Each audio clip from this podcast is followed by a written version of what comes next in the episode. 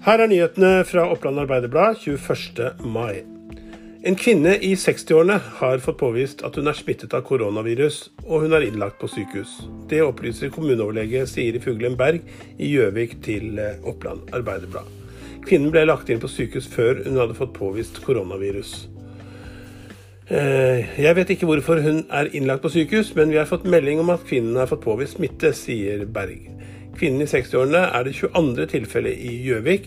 20 personer er friskmeldt og ute av isolasjon. En person er inne i sitt siste isolasjonsdøgn før vedkommende blir helt friskmeldt.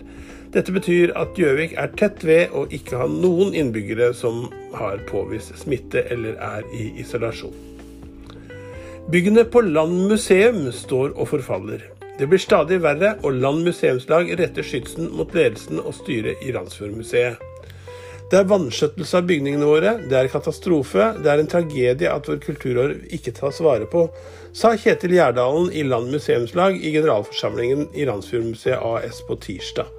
Han sa dette under valget av ny styreleder, og la på denne måten ikke skjul på at de ikke hadde stor tillit til dagens ledelse ved museet.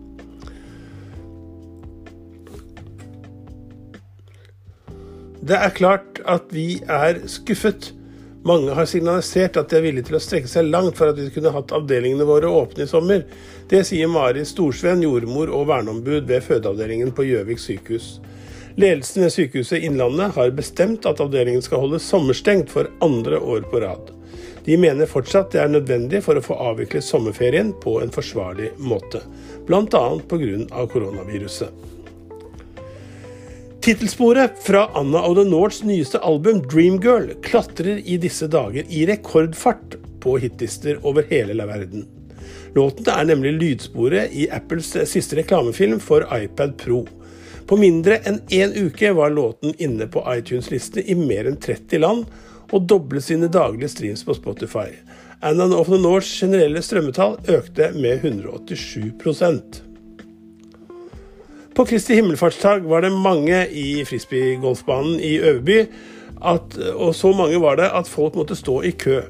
Helt vanvittig mye folk, sier daglig leder Cato Jarnang i Gjøvik frisbeeklubb.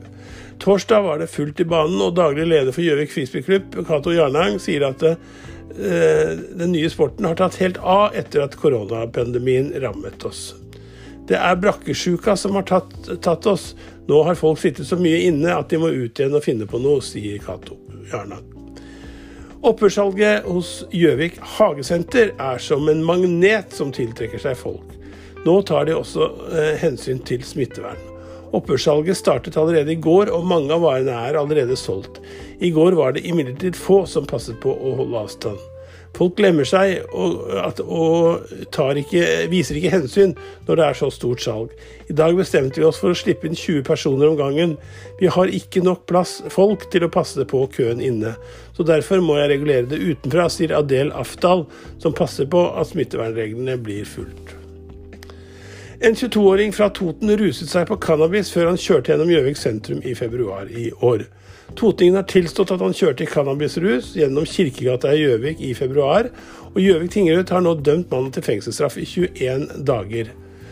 Med prøvetid på to år og tap av førerrett i 22 måneder, selv om Gjøvik tingrett i sin kjennelse medgir at det ikke fins holdepunkter for at kjøringen har medført noen fare.